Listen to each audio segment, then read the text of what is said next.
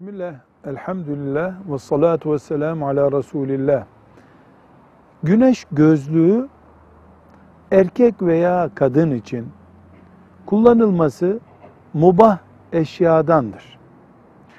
Gözün daha iyi görmesi için kullanılan gözlük nasıl helal, insanın bunda bir faydası olduğu için mubah bir şey ise, aynı şekilde güneş ışınlarına karşı kullanılan güneş gözlüğü de kadın içinde, erkek içinde mubahtır.